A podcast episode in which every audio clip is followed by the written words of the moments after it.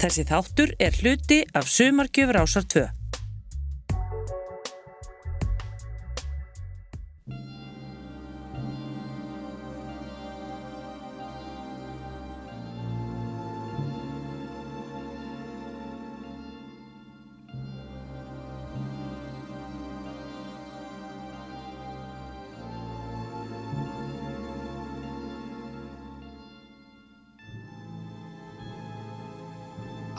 Alheimurinn er ógnar stór, stærri en þú getur nokkuð tíman ímyndaðir. Við stöndum algjörlega aktofa, máttvana, furðulostinn andspænus alheiminum. Þessum óra víðu enda leysum rúms og tíma. Allt frá öndverðu hefur maðurinn rýnt upp í heiminin, skoðað stjörnundar og velt fyrir sér hvar endar þetta eiginlega? Hvar byrjar alheimurinn? Er líf og öðrum hnöttum? erum við einn í alheiminum.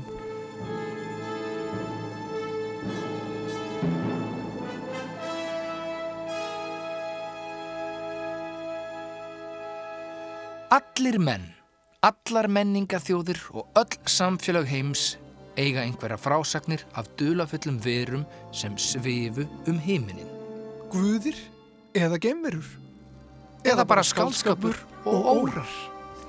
Egiptar og Aztekar lýsa mjög nákvæmlega hávöksnum verum sem lenda á jörðinni á dölarfullum faratækjum, taka stjórnina á jörðinni um tíma, fara síðan en skilja eftir sig vísdóm og þekkingu sem varð síðan undirstaða siðmenningar á jörðinni. Í forninni menningu er fullt af dölarfullum táknum, minnjum og myndum sem ekki hefur enn verið útskýrt til fullnustu. Hvað með píramítana? Duðlafull tákn í Suður Ameríku, Stonehenge. Getur verið að þetta séu skilabóð frá öðrum verum? Gemverum jafnvel? Það eru margir sem halda því fram, þó að vísendileg rauk skorti eftir vill. Spurningin um líf á öðrum nöttum hefur oft þótt galinn og kjánaleg og jafnvel hættuleg. Hún hefur jafnvel verið fordæmt Fyrir rúmum 400 árum síðan skrifaði ítalski munkurinn og starfræðingurinn Giordano Bruno niður hugleðingar sína þegar hann horfi upp í stjórnubjartan heiminin. Þarna úti eru endalausar plánutur. Kanski nokkrar svipaðar jörðinni sem snúast í kringum sólir þar sem eftir vill búa verur sem gætu verið mun þróaðri og æðri en við hér á þessari jörð. Þessar framúrstefnulegu hugleiðingar munksins fjallu í grítan jarðvig. Hann var brendur á báli fyrir villutrú í Róm árið 1600. En þótt spurningin um líf á öðrum hnöttum þykistundum í bestafalli kjánalegur barnaskapur og í verstafalli órar sturðlara brjálaðinga, þá er það nú samt svo að fremstu vísindamenn heims glíma einmitt við þessa spurningu. Miljörðum er varið í geimrannsóknir, maðurinn er löngu farin út í geim, en hann vil lengra, hann vil skoða heiminn og rannsaka. Í janúar þessu ári var haldinn ráðstefna í Lundunum þar sem saman voru komnir helstu vísindamenn heims til þess að ræða mögulega tilvist geimvera. Þessi ráðstefna sem haldinn er reglulega nefnist E.T. Phone London. Hún er fjölsótt bæði af vísundamönnum, sérfræðingum og áhugamönnum um líf á öðrum hnöttum og geimverum sem bæði eiga heima út í óravítum geimsins og jafnvel hér á jörðinni. Nokkrir vísindamenn á þessari rástefnu hafa nefnilega gert svo djarfir að segja að einhverjar geimverur lifi hér á jörðinni. Bandaríski efnafræðingurinn Paul Davis segir til dæmis leitin eftir lífu á öðrum hnöttum líka eiga við um jörðina því hér séu óljósar sannanir um tilvist geimvera. Davis er einn af þeim sem segja geimverðuna lifa í svokölluðum skugga lífriki hér á jörðinni. En ekki eru þó allir sammála þessari kenningu. Nokkrir af þeim vísendamönnum sem sækja ráðstefnuna eru ekki einu sinni bjart sínir á að jarðabúar eigi nokkru sinni eftir að komast í tæri við geimverur. En einar helstu áhyggjunar sem menn hafa er hvernig mannfólkið muni taka því ef geimverur hafa tíman samband við jarðarbúa. Margir trúa því að mannfólkið missi stjórn á sér vegna hræðslu en aðri trúa því að íbúarjarðar muni gleðjast yfir því ef aðrar lífverur finnast eða hafa samband við okkur. A good evening. Uh, do not attempt to adjust your radio. There is nothing wrong. We have taken control as to bring you this special show. Uh, we will return it to you as soon as you are grooving. A welcome to station WEFUNK, better known as We Funk, or deeper still, the Mothership Connection, home of the extraterrestrial brothers, dealers of funky music, P Funk, Uncut Funk, the bomb. Coming to you directly from the mothership.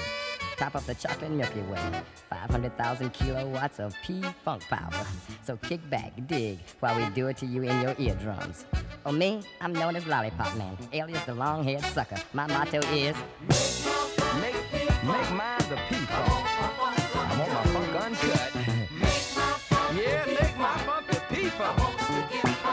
The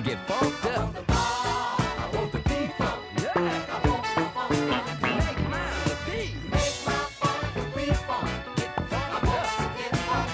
Yeah, W-E-F-U-N-K, y'all. Now, this is what I want y'all to do. If you got faults, defects, or shortcomings, you know, like arthritis, rheumatism, or migraines, whatever part of your body it is, I want you to lay it on your radio. Let the vibes flow through. Funk not only moves, it can remove. Dig. The desired effect is what you get when you improve your interplanetary functionship. Sir Lollipop Man. Við erum að velta fyrir okkur þessari stóru spurningu hvort að þessi líf uh, annar staðar en hér á jörðinni, þessi líf ykkur staðar út í geimnum. Uh, Þorstein Viljámsson er prófessor í vísindasug og eðlisfræði og rittstjóri vísindavefsins sem að færstundur svona spurningar, uh, hvort það sé líf út í geimnum og, og, og hvernig svona, því er þá háttað. Uh, Þorstein, ég bara spyrði núna bara þessara spurningar, er líklegt að, að það sé líf annars staðar í geimnum? Já, það er nú kannski misjafsvör við því hjá vísindamönnum. Ég finnst það nú sjálfum frekar líklegt. Maður þarf að hafa í huga geimurinn er alveg gríðarlega stór og það eru gríðarlega margar stjörnur til dæmis eins og sólinn og uh, núna í setni tíð hafa menn verið að finna líka sagt uh, sólkerfi, þar að segja reykistjörnur á brauti, brautum um þessar stjörnur út í geimnum þannig að uh, það gæti vel komið á daginn einhvern tíman. Þetta er svolítið spurning líka sko við hvaða svæði miðamaður þá. Það sem likur nú næst fyrir okkur er að miða við vetarbröðina sem við erum í og uh, það getur kannski brúið til vekja vona um það hvort að það sé líf innan hennar eða þá eitthvað sverlegt. Og svo er líka önnur spurning sem er nátengt þessari fyrir vísdamenn Það er, það er eiginlega það hvaða merkingu hefur spurningin að því litinu til er þá líklegt að við finnum það? Já, er þá líklegt að við finnum það? Segjum sér svo að það sé Nei, það er ekkert mjög líklegt að við finnum það. Er allavega hana sko ennþá fjarlægara að við komumst eitthvað í snertingu við að til dæmis að, við, að, að það komi gemverur hingað eða, við, eða menn eða lífverur hérna frá jörðinni fari út í geimin og, og helsi upp á gemverur þar Þetta er, þetta er ansi langt út í framtíðinni. Það má segja kannski að, sko, ef við hugsaum um hvað þetta er nú geysilega vinsalt núna að skrifa kvikmyndir og sögur og vísindaskallsögur um þessi efni og svona. Ég er ansið hættur um að hugsun mannana í því sétt allir langt á undan framkvæmdini. Mm. Það, er, það er sko svo geysilega margt sem þarf til ef við förum aðeins betur í gegnum það. Sko. Það þarf að vera, það þarf svolítið að vera sólstjarnar einhver staðar með sólkerfi með reykistjörnum í kring og einhverjar af þessum reykistjörnum þurfa að vera í hæfilegri fjarlægð þannig að það sé hæfileg hæfilegur hiti og önnur skiljiði slík. Og svo þarf lífið að kvikna og svo þarf það að hafa þróast og svo þarf að hafa myndast það sem kallað er vitiborið líf. Og uh, svo þarf þetta vitiborna líf að hafa áhuga á því að það að líka út í geiminn frá sér og, og svo framvegs, allt þetta þarf að koma saman og, og það er ekki víst að, að það gerist. Nei, en hvað, svona, ef við tökum bara það, þessa hugmynda að við, ef við ætluðum nú að ferðast á næstu stjórnum sem að kemi Já. til greina Já. sem að þarf að líf, hversu lengi verður það því og hvernig, hvað þyrtu það að hafa til þess? Já, svo þetta er Þetta er einlega ekki síst mikilvæg spurning náttúrulega býst ég að mörgum finnist. við getum já, við getum kannski samt, við getum kannski sagt aðeins meirum hitt fyrst að sko, ef við segjum að við myndum nú einhverjum hætti komast að því að það sé líf á reykistjórnu sem er kannski 100 ljósari burtu, það er svona innan þess innan þeirra fjarlæðir er talsið mikið stjórnum og margar stjórnum til þess að það sé hægt að hugsa sér það. Þá sko já, með, og við færum að, tala við lífverður þarna. Skiptast og skeitum þá er þetta aldrei skrítið símtal því að það myndi sko taka hundrað ár fyrir það sem við segjum að berast hangað og svo myndi þeir segja eitthvað svara því sem við segjum og það tekja aftur hundrað ár. Þannig að, að það er þess að 200 ára svona taktur í þessu símtali. Já, það er svona svolítil svona töf á leðinni og síðan ef við förum sko út í það að einlega flytja efni þangað og þaðan. Sagt eins og, og ferðalag. Ferðaleg manna eða, eða kannski fyrst einhvers konar hluti senda einhvern post eða eitthvað einhverja hluti þá það, tekur það alveg gríðarlegan tíma. Sko einfallega vegna þess að við getum ekki komið hlutum á, á mjög mikið hraða í þessu sambandi, altså, sagt, hlutum sem hafa massa, einhver efni. Við getum sendt merki með ljósi eða út af spilgjum eða einhver slíku, en við getum ekki svo auðvitað sendt efni til annara stað, staða sem eru svona langt í burtu. Sá hraði sem að menn svona ná núna í geimferðum og, og slíku með, svona mestir hraði sem menn ná, hann er svona innan við eitt þúsundasti á ljósaðanum sem þýðir það að við send, myndum senda hluti til þessara stjórnu þarna, 100 ljósar í burtu, þá myndi það taka 100.000 ár. Já. Og þá séu það líka hvaða vandamál eru í því að, að senda sko lifandi verur. Sko, til viðbútar við annað en nú reyndar það er miklu erfiðara og vandarsamara að senda lifandi verur með miklum hraða heldur en að senda döða hluti. Af því að við þólum ekki því eru takmörg sett hvað við þólum mikla hröðun sem kallað er. Bara ég minna, hröðun er, er það sem gerir, gerist þegar við föllum til jarðar, föllum við með vaksandi hraða eða sem þegar hraði breytist. Og við vitum þetta ef við verðum fyrir höggi það er í raun og veru ekkit annað en mjög mikil hröðun. Mm. og þá sem sagt geta mann kannski séð það við þólum ekki mikla hröðun. Og það þýðir að það er senlegt að koma okkur á mikil hraða og kostar auk þess sagt, mjög mikla ork og það er ein, eitt aðriði þessu sem er mjög mikilvægt og menn eru mikið að spá í núna. E, það er orkukostnaðurinn við það að, að, að senda já, hluti svona langt út í geiminum að, og gefa hlutum svona mikinn hraða. En en 100.000 ár eða miljón ár eða eitthvað sem ferðin tæki Hvernig ætlum við að skipleggja svoleiðisferð? Jú, kannski, við getum, sko, við getum láta okkur þetta, þetta allt í hug, en hvort það er framkvæmalegt, mm. það, er, það er allt annað mál og við, mér sýnist það allavega að vera mjög langt í að það verði framkvæmalegt. Við getum sett fólk í hóp manna, 100 manns eða 200 eða eitthvað svona í, í rosalega stort uh, geimfar, einhvers konar, reynda líka eftir aðstafum á jörðin, jörðinni þannig að fólki lifi áfram, verði sæmilega eðlilegt líf, getur reynd það. Nú eh, þá, sagt, þá er það bara kynnslóð eftir kynnslóð, eftir kynnslóð líklega, sem myndir svo, og sem sagt, ég eftir miljón, eftir þú, hundraðúsut eða miljón ára er hjá fólki lásins komið, eða ákomendur okkar kannski komnir þanga og við myndum, þeir sem væri hérna eftir á jörðinu myndur svo sennilega ekki vita af því heldur. Nei, svo tekir kannski miljón ári viðbútt að, að láta vita af því að það tekist. Ó, þannig að þetta er, það er svona ímis, það er svona ímis uh, vandræði sem að þarf að, já, sem þarf að vinna að buga og hefa þetta að, að takast. Já. Það eru, sem sagt, það eru, já, það er ekki bara, það er ekki bara það að, að, að vita hvert maður ætti að fara. Það, þetta eru bara beinlýnir, það eru eðlisfræðileg lögmál og líffræðileg lögmál já, sem bara standa það í veginn einmitt, það er einlega bæði, það finnst þú nefnir líffræðinu líka, þetta er ekki bara eðlisfræði. Þetta er líka líffræði og félagslegt sko, hvað, hvað myndi fólk lifa af við þessar aðstæður uh, árþúsundur saman sko, myndi ekki bara koma upp deilur eða, eða einhverjum ástæðum sjúkdómar eða eitthvað og, og þessi hópur manna degi út eða, mm -hmm. eða eitthvað slíkt.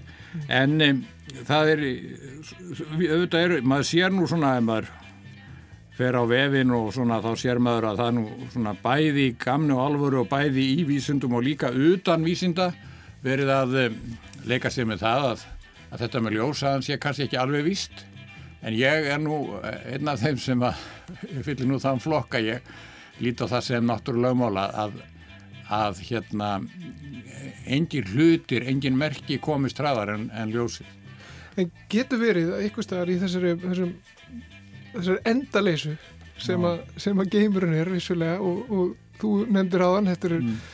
Þetta er gríðalög fjölda af, af stjórnum og sólkerfum og, og, og vetarbröndum og þetta er bara, ma maður getur ekki já. ímynda sér það, nánast. Já, já, uh, vanir eðlisfræðingar svo þú mm. geta sjálfsagt ég, ég bátt með það mista eitthvað en getur verið að það fyrirfinnist ykkur starf í þessari óra vittum einhvers konar já, tækni eða, eða einhver leið sem að hefur sem, eða einhver lögmál sem eru öðruvísi en, en, en hér í okkar heimi eða okkar umhverju Já, sko, við höfum svo sem við vitum alveg að það að maður á að tala varlega, við, sagan sínur okkur það að margt sem að menn töldu einu sinni ómögulegt eða það hefur síðan gerst.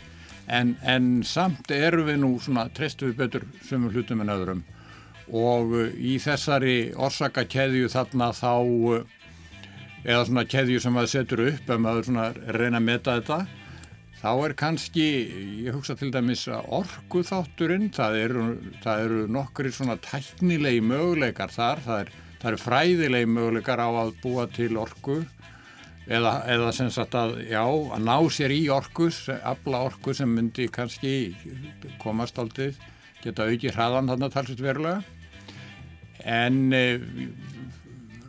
hlutur eins og með ljós hraðan, það er erfiðara, það er erfiðara að hugsa sér það. Síðan er kannski eins og, eins og líkurnar á þróun lífs og, og hérna ja, kviknum lífs og þróun lífs það er það er eitthvað breytilegt. Það, eftir aðstæðum þá á, á sko viðkomandi stað. It was the night of the dance in the high school gym When all at once something flashed and the lights grew dim. Then with the zoom and the zip in the room to a ship manned by men who were two feet ten, all singing. Take me to your leader, cha cha cha. Take me to your leader, cha cha cha. Each man was made of band-aid and a bobby pin. Electric bulbs blinking where eyeballs should have been. Strange were their hands made of red rubber bands, and they said, while their feet clicked a Martian beat. Hey, Earthling. Take me to your leader, cha cha cha. Take me to your leader, cha cha cha.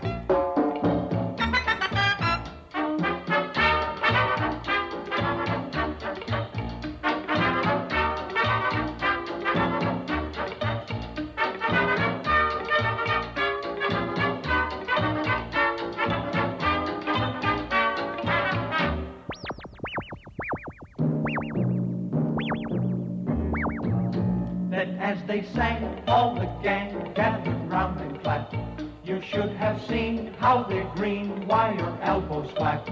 Then with some gum and a coke and a pink puff of smoke, they were gone, but their song lingered on. Hey, Earthling.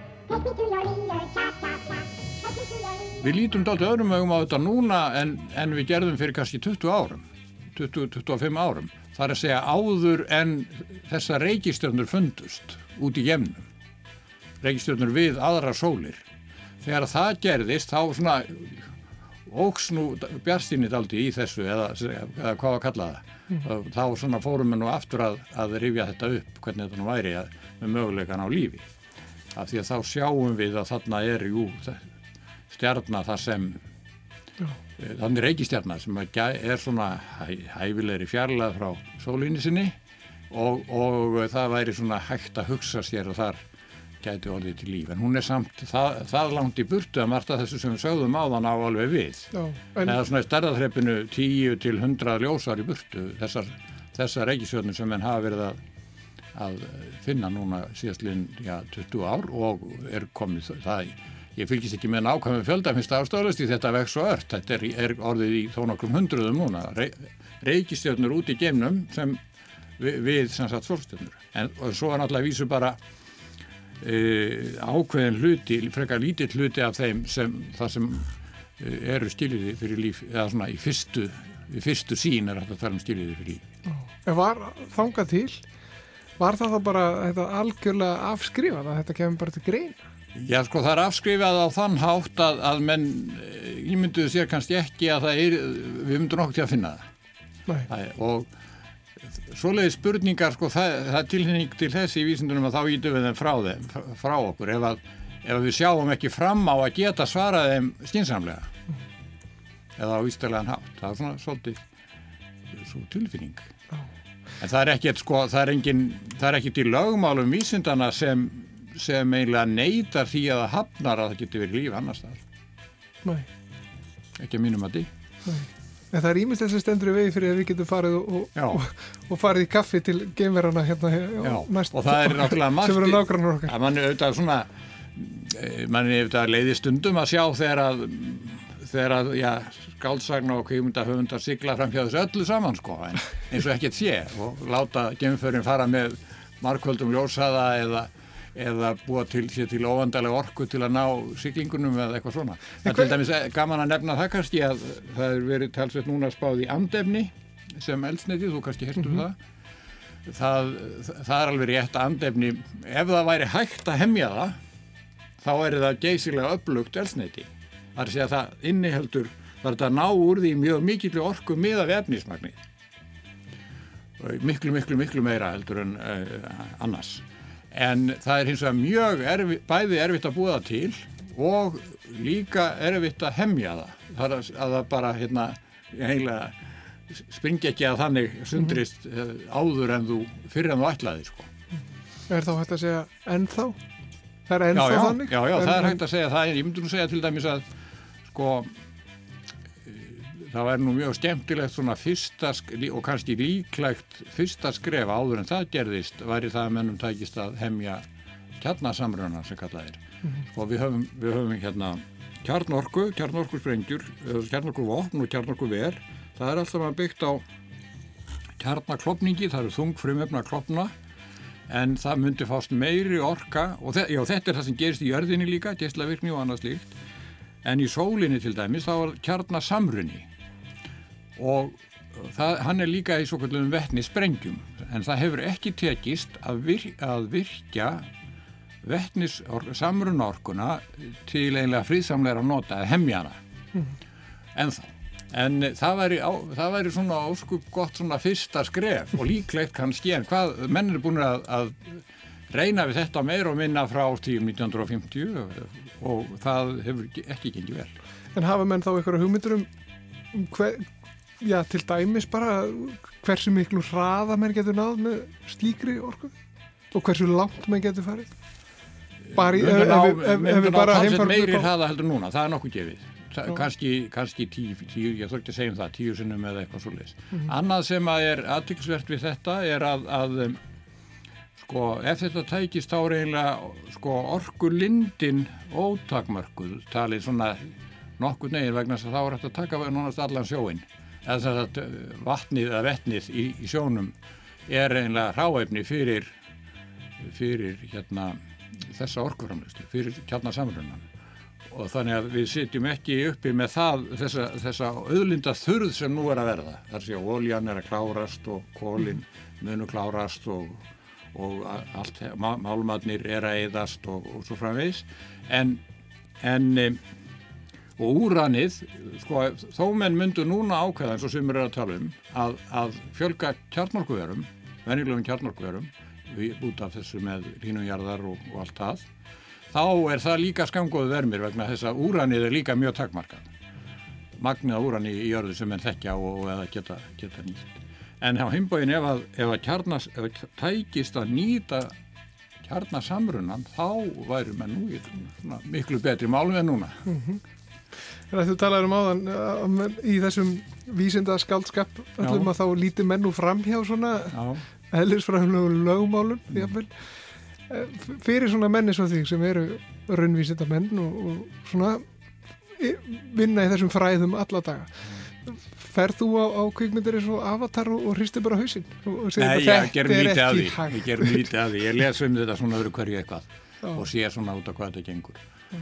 og uh, svona teka eftir þessu til dæmis þegar að menn horfa fram hjá ljósaðanum eða eitthvað stíkt og annað sem að kannski gerist þarna sennilega er það nú kannski í vestu dæmin að, að hann gleyma þessu með hröðunina sko. við, það er alveg kláftmál mm. við vitum það bara frá næstum frá daglegu lífi hérna bílaáristunum hérna rutan hérna í umferðinni mm. það sem þar um að ræða er það að, mann, að mannslíkaminn þólur ekki þessa miklu hröðun sem þar verður og ef það ætti að koma manni allt í einu á mjög mikið hraða þá myndi það þurfa slík hang mm -hmm. og þá, það, þannig lífræðilegi þátturinn. Já. Það, það, þetta eru lífræðilegu vandamálin. Og svo kemur allt þetta síðan með við, við vorum þarna áðan komnir svo löng, löng tímabil. Mm -hmm. vorum, við vorum að tala í hundruðum þúsunda eða miljón árum. Já. sko það er eiginlega lengri tími nána mestu, eða mestu eins langu tími eins og hérna aldur mannsins á jörðinni. Já tíminn frá því fyrsti maðurinn kom til mm. og það, þannig að þeim svoleiðis, á svo laungum tíma gerist náttúrulega ímislegt sem að, já, og sem er í raun og veru líka erfitt að segja til um, það er allavega lífræðingar þeir tala um sko þróunar þrýsting, þar sé að umhverfið verkar á líf, lífstofna e, á ákveðin hátt þannig að þeir laga sig að umhverfinu. Ég veit ekki hvernig það er lífverður yfir þessum myndur laga sig að því að lifa í geimskipi e, kannski, já, kannski 200 eða 1000 manns eða eitthvað. Nei, þau myndur ekki finna fyrir hraðan nei, nei, nei En, en e, einangruninn og all svona lífsskiliði eru þau mjög sérkjörlega. Það, það er að og huga þegar að menn velta fyrir sér ferðalögum í, í gemnum og, og um, já, því hvernig mann myndu hugsalega fara að því að heimsækja þessar verur sem að samt flestir virðast og hattast að það sé til einhver staðar. Já, til marg sem það líka segja, segja það, segja frá því að hérna strax um 1950-60 voru menn farnir að hugsa út í þetta aldrei og þeir, þeir tóku sér þá saman og reyndu að búa til svona merki til þess að senda út í geimin sem væri þannig samansett að móttakandin gæti stíliða eða fengið einhverja upplýsingar út úr því alveg sama hvað tung hann tali kannski ef vel ekkert tungumáli eða þannig. Þetta sé bara vitiborinn vera og við vitum ekkert hann, hann talar, hvort hann talar eða neitt slíkt. En það send, var þá reynd að senda merki sem er í síðan endur tekið alltaf aftur og aftur og sá sem að tæki við þessu verki út í geimnum gæti þá kannski sagt já þetta er náttúrulega skritið þannig er eitthvað merki sem endur tekur sér alltaf best að fara að skoða það betur. Og þá væri hægt að eh, ef hann, ef hann færi að skoða það betur þá myndi hann sjá út í svona töflu og jáfnvel einhverja myndir af því hvað eh, þarna væri að þessi bóð kemur frá reykstjórnu sem væri mm þessari röð frá í sólkerfinu og á þessari stjórnu væri lífveru sem lítur nokkni svona út og eitthvað sem var eftir að sína svona eins konar mynd með merkinu. Mm. Þannig að þessi hugmynd er, þetta var, þetta voru alvöru vístamenn sem gerðu þetta sko. Mm. En það er náttúrulega ekki komin eitt svar við þessu en þá þessu sem hérna. Og hvað hva er þetta merkist allt? Já það er komin 50-60 ljósar út í geiminu andalega en ef það þá er ekki líka orðið bara svo döft að það sé ekki að takta að ná því. Mm nema með einhverju mjög sérstökum hætti. Er, Við erum að landa að vita af okkur. Það er, það er þá ágætt. Og ef þau skiltir rekast á þessi skilti okkar. Já, já. Við segjum þetta gott Þorstein uh, Viljámsson uh, professor í ellisfræði og rítstjóri vísindavefnins það er hægt að fræðast um eitt og annað þarna á vísindavefnum sem já. að við kemur Já, það eru svörum þessi málat Gerð það ekki fyrir spjallið. Sömulegðist takk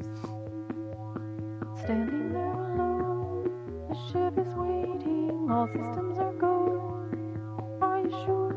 Control is not convinced, but the computer has the evidence. No need to abort. The countdown starts. Watching in a trance, the crew is certain nothing left to chance. All is working, trying to relax.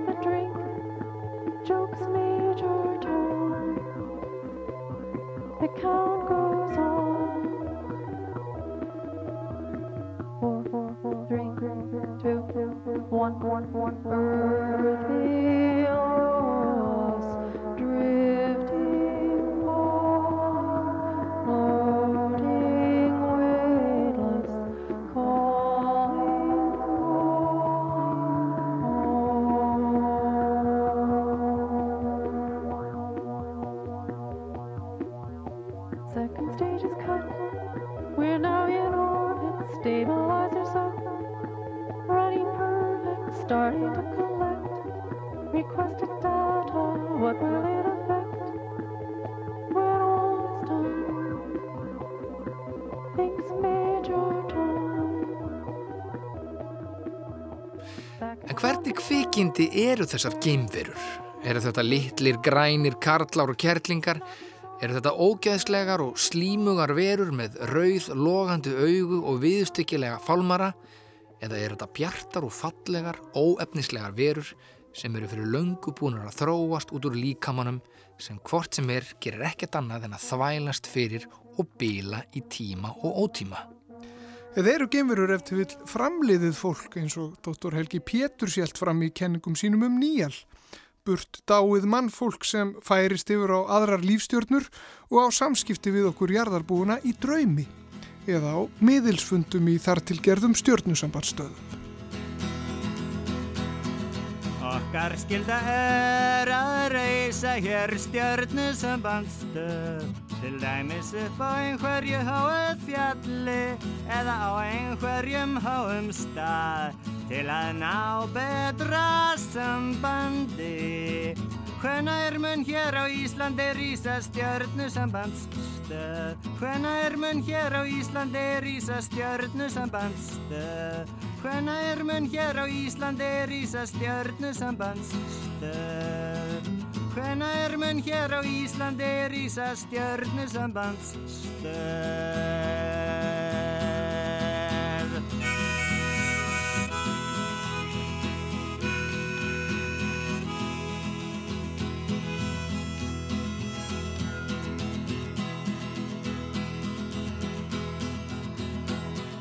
Okkar takmark er að samstillast til góðs og að samstillast lífstefnum en kynjunum sem búa á lífstjörnunum.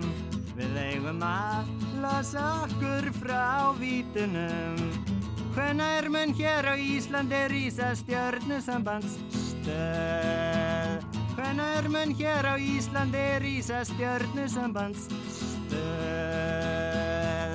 Hvenna er mun hér á Íslandi rísa stjörnusambandstöð? Hvenna er mun hér á Íslandi rísa stjörnusambandstöð?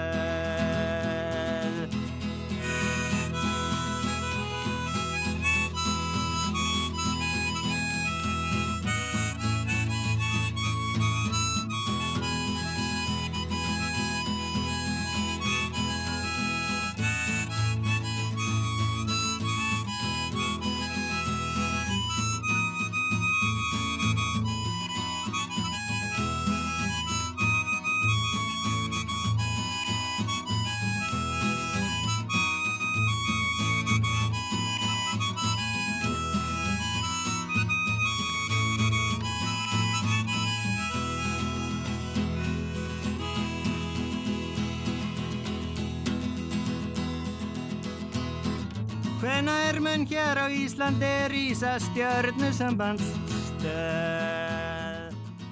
Árið 1950 satt hópur kjarnæðilisfræðinga og rætti möguleikan á lífi í geimnum. Þarna var meðal annars ítalsk bandaríski eðilisfræðingurinn Fermi sem hugsaði með sér og spurði síðan ef til eru miljardar af byggilegum reykistjórnum í veðurbrötinni og miljónir vitsmunavera eru þarna úti, hvers vegna hefur þá engin heimsótt jörðina? Hvers vegna höfum við ekki orðið vör við neitt?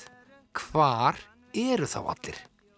Þessi hugleðing hefur síðan verið þekkt undir nafninu Þversögn Fermis og stundum kölluð Þögnin Mikla.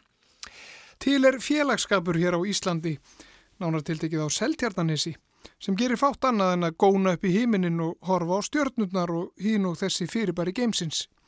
Þess á milli lesa þeir um þessi sömu fyrirbæri eða segja öðrum frá þeim. Þessi félagskapur er stjörnuskuðunarfélag Seltjarnanes. Forsprekki þess, Sævar Helgi Bragason, er kominíka til okkar. Hvað heldur þú um, um þessa spurningu sem við höfum verið að velta fyrir okkur? Er líf á öðrum nöttum, er líf út í geimnum, annar staðar út í geimnum? Gerur það fyrir að við séum líka út í geimnum? Já, já, fyrir utan okkur, já, ég held að það sé yfirgnefandi líkur af því að við finnum líf einhverstar annar staðar, hvort sem er í sólkjörun okkar eða fyrir utan það. Uh, sólun okkar er frekar vennileg stjarnar, uh, það eru margar sem eru minn en hún og margar líka sem eru stærra en hún. Þannig hún er svona meðalstjarnar og í alheiminum eru ótrúlegur fjöldi sól, sóla. Og ég finnst það mjög óleiklegt ef að það er ekki ein, einn annan nöttur á minnstakosti sem að hýsir líf fyrir því jörðina. Já, eru, eru einhverja vísbendingar sem að menn hafa um að það sé eða hafi verið líf eitthvað staðar annar staðar? Ekki enn sem komið er en það er náttúrulega verið að leita sjálfur sér og með ferðum, ferðalögum til Mars og svona staða þá er náttúrulega verið að leita vísbendingum um fljótundu vatn og reyna að láta vatni þá leiða sig að einhverjum vísbendingum um líf. En svo er líka SETI áallunin í bandaríkunum sem er satt Search for Extraterrestrial Intelligence þar sem margir muni eftir kontakt þegar Jóti Foster satt með headphone-un og voru hlusta á alheimin það er svipaverkefni gangi í bandaríkunum og uh, við um heimreindar líka og þeir eru að hlusta eftir lífi. Og þeir hafa hlustað í cirka 50 ár það hefur ekki verið hlusta nákvæmlega á allan heiminin svo sem það er stór hlut eftir. En hinga til hafa menn ekki heyrt neitt með SETI. Og mennur farnir að verða pínu örvætningafullir af því að það getur vel verið að menningarsamfélag sem kemur fram miljón árum áður en við það getur uh, fyrir lungu að hafa látið vita af sér sko en þannig að þetta er góð spurning af hverju við heyrum ekki neitt og af hverju við finnum ekki neitt aðeins sem komið er allavega Þú eigðir nú miklum tíma í að góna upp í heiminin og Já. fylgjast með Akkurat. Hefur þú orðið var við eitthvað, eitthvað tíman sem að þú getur ekki útskýrt? Nei, því miður. Það hefur verið ofsalega skemmtilegt við, við sem förum oft í stjórnumskóðan við sæjum eitthvað dölufullt en yfirleitt erum við með næga þekkingu til átt okkur á því hvað við erum að horfa á og ef við sjáum eitthvað blikkandi upp á himnunum þá yfirleitt já, einfaldasta skýringi segir svo að þetta sé flugul eða, gerfutungl og yfirleitt er þetta gerfutungl sem við sjáum en við stjórnumkóðamennum sennilega sá hópur sem horfir oftast upp í heiminin og við sjáum aldrei neittulega fullt. Svo er eitthvað fólk út í bæ sem að kannski hefur ekki jafn mikla þekkingu heiminum eins og við. Og gónur upp í heiminin í hálf tíma einu sinni á ári.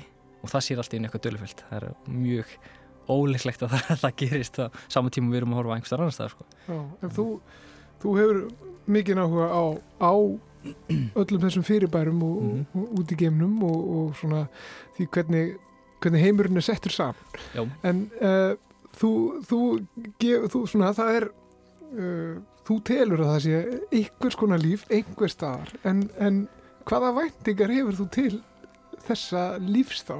Já. myndur þú vilja hitta bara eitthvað sem þú getur haft samskipti við eða myndir það til dæmis já, gera nóg fyrir þig að það væri kannski bara skófir eitthvað staðar sem Já, ég er því mjög sáttur. ef, ef það til dæmis myndir finnast líf eða hvort sem er stengiröngar af lífi sem var á Mars eða er á Mars þá var ég nú bara alveg heimillegandi því þá var ég búin að fá svar við spurningunni sem ég langar mest af öllu til að fá spurning, svar við sem þá bara eru við eini heiminum eða ekki?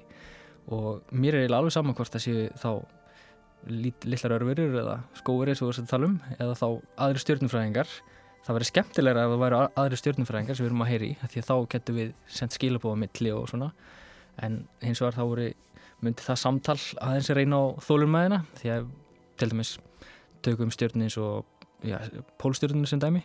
Hún er um þau byrj, eða rúmlega 400 ljósar og fjarlægt og fyrir einhverjum 8 árum síðan var sendt, sendt bítlalag þangað sem er náttúrulega Cross the Universe eftir John Lennon og eftir cirka 392 ár þá kemur lagi loks á leðarenda til pólstjórnunar og ef það er einhverjar verur við pólstjórnuna sem er kannski ekkit víst þá þurfum við að taka mútið skilabónu átt að sjá því úr, úr hvernig það er samsett og hvað það segir og senda svo aftur svar út í geiminu og þá þurfum við að býða í 400 áru viðbót mm. þannig að samtal millir sólar og pólstöðunar myndi taka næstu í þúsund ár Já, Hvernig er það nú sendt? Hvernig sendur maður bítlalag? Er, það er bara til, gert með bara mútvarpsjónungum og menn hafa verið að senda hljóð frá sér út í geiminn bara með útvarpsendingum og slíku út í geiminn. Þú ert komin á leið slatta út í geiminn hinga til. Mm. ég veit ekki hvernig þú byrjar í útvarpinu en, en hérna, ef þú byrjar fyrir fjórum árum þá er röttin þín að berast fram hjá Alfa Centauri stjórnunni og það er fyrsta stjarnan sem verður vegi. Og eftir einhver, já, þúsund ára eða eitthvað sliðist, þá kannski nefnur eitthvað menningarsamfélag okkar samtal hér eða eitthvað sannað og sendir skilabúið tilbaka, það voru mjög skemmtilegt. Og þá vonandi með öðrum útvarpsjóningum en svo getur vel verið að menningarsamfélag sem komið svo langt á undan okkur að allt sem myndir útvarpsjóninga sé bara svona eins og eins og hérna grammofótni eða eitthvað slíkt í um okkar að ég er ennþá lengur aftur. Mm. þannig að hérna þeir eru með eitthvað alltaf að tekna til þess að senda skilabóðum milli. En, en þegar, þegar fólk hugsa um hérna uh, samfélag á, á öðrum nöttum og út í geimnum þá hugsa menn alltaf sko að þeir séu komin svo langt á undan okkur. Já. er enginn sem hugsa já kannski eru þeir bara eins og við vorum hérna Já, það getur vel verið. fyrir 6.000 árum. Það getur, getur alveg vel verið. Ég minna ef að einhver sendi skilabóð til jærðarinnar bara fyrir 100 árum eða, eða 1000 árum þá var enginn á jörðinni með tækna til þess að taka móti þessum útsvarsendingum og þær fóru þá bara fram hjá okkur. Uh, það var kannski talist ólíklegt að hafa akkurat hitt á þann tíma því að aldur veturböturinnar mælist í miljörðum ára en ekki þúsundum eða hundruðum ára. Þannig að maður þarf að vera virkilega óöpinn til þess að það, það gerist. En svo getur alveg vel verið að einhverjar vitsmunverður í veturbyrjun okkar uh, hafi ferðast millir stjarnana það er vel líklegt og hægt, alveg hægt. Og ef það komið fyrir 10 miljón árum þá voru engar vitsmunverður í jörðinni uppi. Þá voru bara ofinn, það hitt ekki á þær. Mm. og svo er það hardlega ólíklegt að það séu hérna núna Já, og eins ólíklegt að, að eða eins, eins óheppilegt þá vantarlega líka ef að þau menningarsamfélag sem eru þarna eitthvað staðar úti hafa ekki tekni til að Já, nema across the universe með bíslum Akkurat, það var mjög leðilegt líka. Það voru hérna einhverjar veru, eitthvað menningarsamfélag sem voru svona áleika upplöða teknis og rómverðarnir eða eitthvað svo leiðis mm. þá heyra þeir ekkert í okkur. Nei, eða bílunum sem er náttúrulega synd. Já. en uh, að því þú myndist á Mars áðan mm -hmm. það er í gegnum tíðina mikið verið talað um líf á Mars uh, hugsanlega. Hvað er það sem verður til þess að menn horfa til Mars? Já, Mars er svo reykistefni í solkerfinu okkar sem líkist jörðinni svona hvað mest. Fyrir utan það að lofttjúburinn á Mars er freka þunnur. Það er svona álíka þykkur og verið 30 km hæði við jörðinni. Og við getum ekki verið þar í 30 km hæði við jörðinna á þess að verið geimbúningi. Þannig að lofttjúburinn er rosalega þunnur en á yfirborðinni sjást alveg greinilega merkjum það að vatni við runnið er einu sinni. Við sjáum gamla árfarvegi, við sjáum óseirar og og finnum meira að stendir sem er samræmi við það að þetta sé óserar veist, við finnum leir og einhver svona sílikött sem myndast í vatni. Uh, þetta var allt saman fyrir kannski svona 3-4 miljónum ára og þá gæti Mars hafa verið lífanlegur nöttur og þess vegna horfum við svona óskaplega mikið til Mars af því að líki stjórninu svo svakalega mikið. Ef við förum svo innar í solkjöri, svo Venus sem kannski út frá stærð líki stjórninu meira, næstu í alveg stóru jörðin okkar þá er hitast í lofthjöfnum 480 gráður og loftþrýstingunum sem er eins og 1 km stýpi í höfumjörðarinnar það er ekki beint til lífanlegu staður og eins fjandsamlegur og þeir verða reynilega þannig að menn líta freka til Mars bara af því að líki stjórnirni hvað mest. Og við sjáum vísbendingarnar á yfirborðinu um að það hefur verið eitthvað spennandi í gangi þar fyrir í einhverjum 3 miljónum ára, 4 miljónum mm. Og svo finnum við líka á, á Mars uh, merkjum háeitasvæði og eldfjöll ána slíkt og staðan þar sem Mars-hefinn Spirit er fastur það var svæði sem kannski líktist hverjavöllum fyrir þeirri mjög hálfu miljórið ára eitthvað sliðis, jafnvel stýttara síðan. Og hvað finnum við á hverjasvæðum á jörðinni? Við finnum líf nánast hvað sem er örverur og annað slíkt. Og við finnum ummerki um hverjasvæði á Mars núna og bara, við hefum komið á staðinn við hefum ekki nægilega góð tæki til þess að greina það hvort þessi einhverju örverur grafnar hann í undir yfirborinu en það verður bara að býða leðangra framtíðarinnar sker, sker úr um það. Mm -hmm. Hvaða leiðangrar eru svona spennandi í, í gangi? Það er þessi leiðangur til Mars sem að þar, þar eru bara tæki Já, bara sendi hér að jarðbúna mættir að staði til þess að spíksporum yfirborðu og, og mæla, eru nú bara litlir jarðfræðingar. Uh, árið 2011, sem sett á næsta ári, þá sendir NASA á loft nýjan jeppa sem er, heitir Mars Science Laboratory og hann er svona og Spirit Opportunity á styrum að því hann er miklu stærri og hann er ekkert ósvipabræð eins og svona Toyota Yaris þess vegna að stærð sko. Þannig að hann er fyrir eitthvað stór og hann verður kjarnöngugn getur ekki miklu hraður miklu lengra og hann verður útbúið mæletækjum til þess að svona greina betur stindir og hugsanlega finna einhvert, einhvert svona, já ekki lífsmark svo sem ekki nema að það skrýði þarna fyrir framann okkur þá getur við greinta með myndöðlunum en hann er útbúin þannig tækjum hann gæti greint allavega merkjum það að lífa að vera þarna. Ef við hittum á rétta staðin þar að segja. Það var bara að býða fram til árs 2011-2012 til að fá að vita. Bara veist að heimurinn enda 2012 sko þannig að við fáum ekki svarið. Já, hvað hva er það? Af hverju er það að fara enda þá? Já, var það ekki, ekki bíómyndið sem segja það? Nei, nei, heimurinn ekkert fara enda 2012 ekki frekar en 84 eða 2000 eða hvað það var.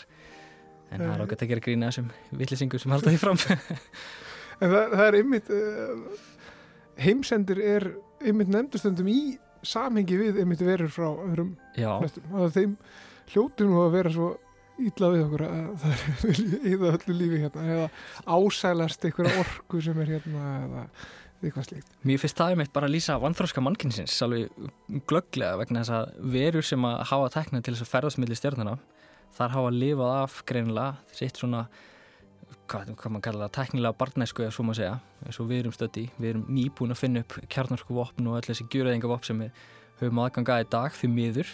En verur sem hafa lifað af kannski 10.000 ára eða 100.000 ára eða hvað sem er, hann væntalega þá gengi gegnum svipað hlutu við að finna upp þessa hættilegu tekni en komist af og vonandi þroskast í leðinni þannig að all ásælun í orku og, og annars líkt það er hægt að fá hann á mörgum öðrum stöðum í veturbreytinni þannig að ég myndi ekkert verið sérstaklega hrettur ef að þær myndi lenda á lóð kvítahúsins það reyndar, lenda aldrei á lóð kvítahúsins að einhverjum ástæðum gemuruna sem heimsækja jörðina.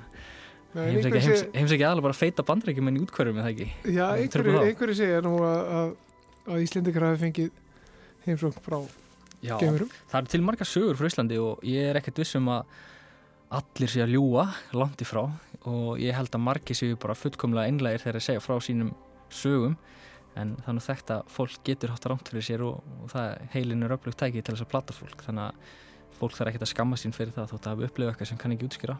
Og það þarf að vera opið hins vegar til að taka móti útskýringun en ekki kannski leita í fjärstaði kendustu útskýringuna og, og sætta sig við hana síðan.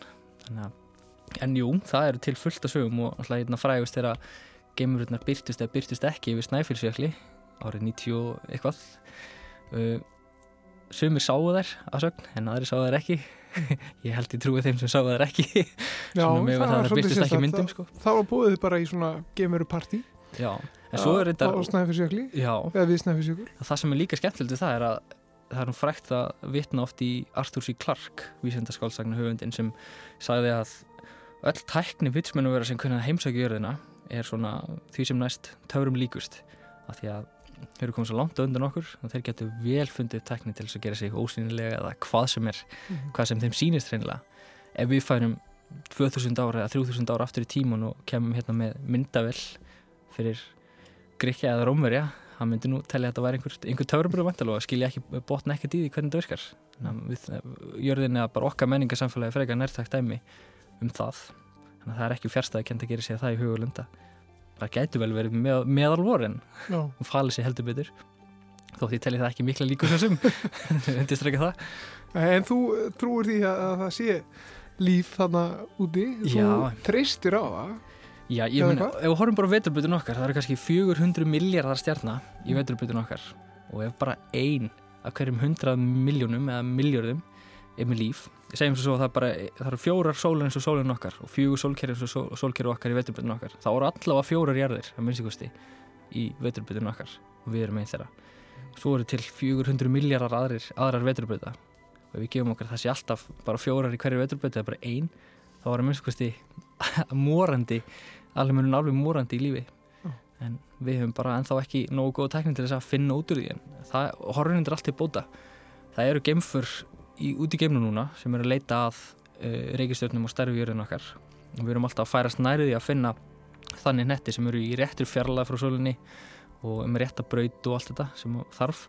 Þannig að ég er full trúið á þessu ári eða næsta ári þá munum við finna fyrsta, fyrstu fjarlækistjórnuna sem við getum sagt að sé líkist, líkist jörðinni tölverst að mjög skoðast því svo þetta önnur spurning hvort það sé líf eða ekki.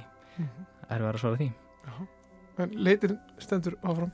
Og þú heldur áfram að góna upp í heiminin og, og, og fylgjast með. Já, ég vonandi alltaf að taka þátt í þessum rannsóknum í framtíðinu því að námi mitt eh, sem ég sérst í jarfræði háskólanum að það snýst nú miklu leiti í mínum huga því að undirbúa mig fyrir það sem kallast reykjastjórnufræði og taka það þátt í massaransóknum og öru slíku.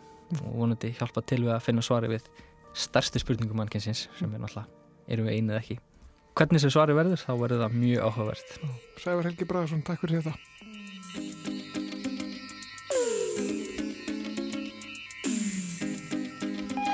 evening. This is the intergalactic operator. Can I help you? Yes, I'm trying to reach Flight Commander P.R. Johnson on Mars Flight 247. Very well. Hold on, please. You're through. Thank you, operator.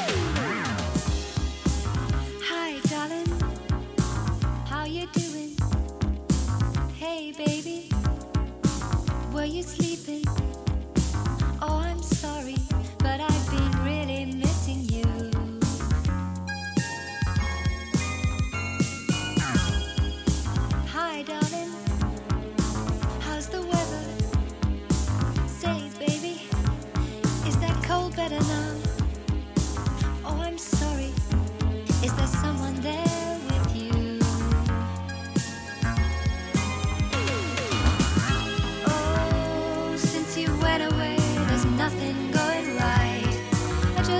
leave alone.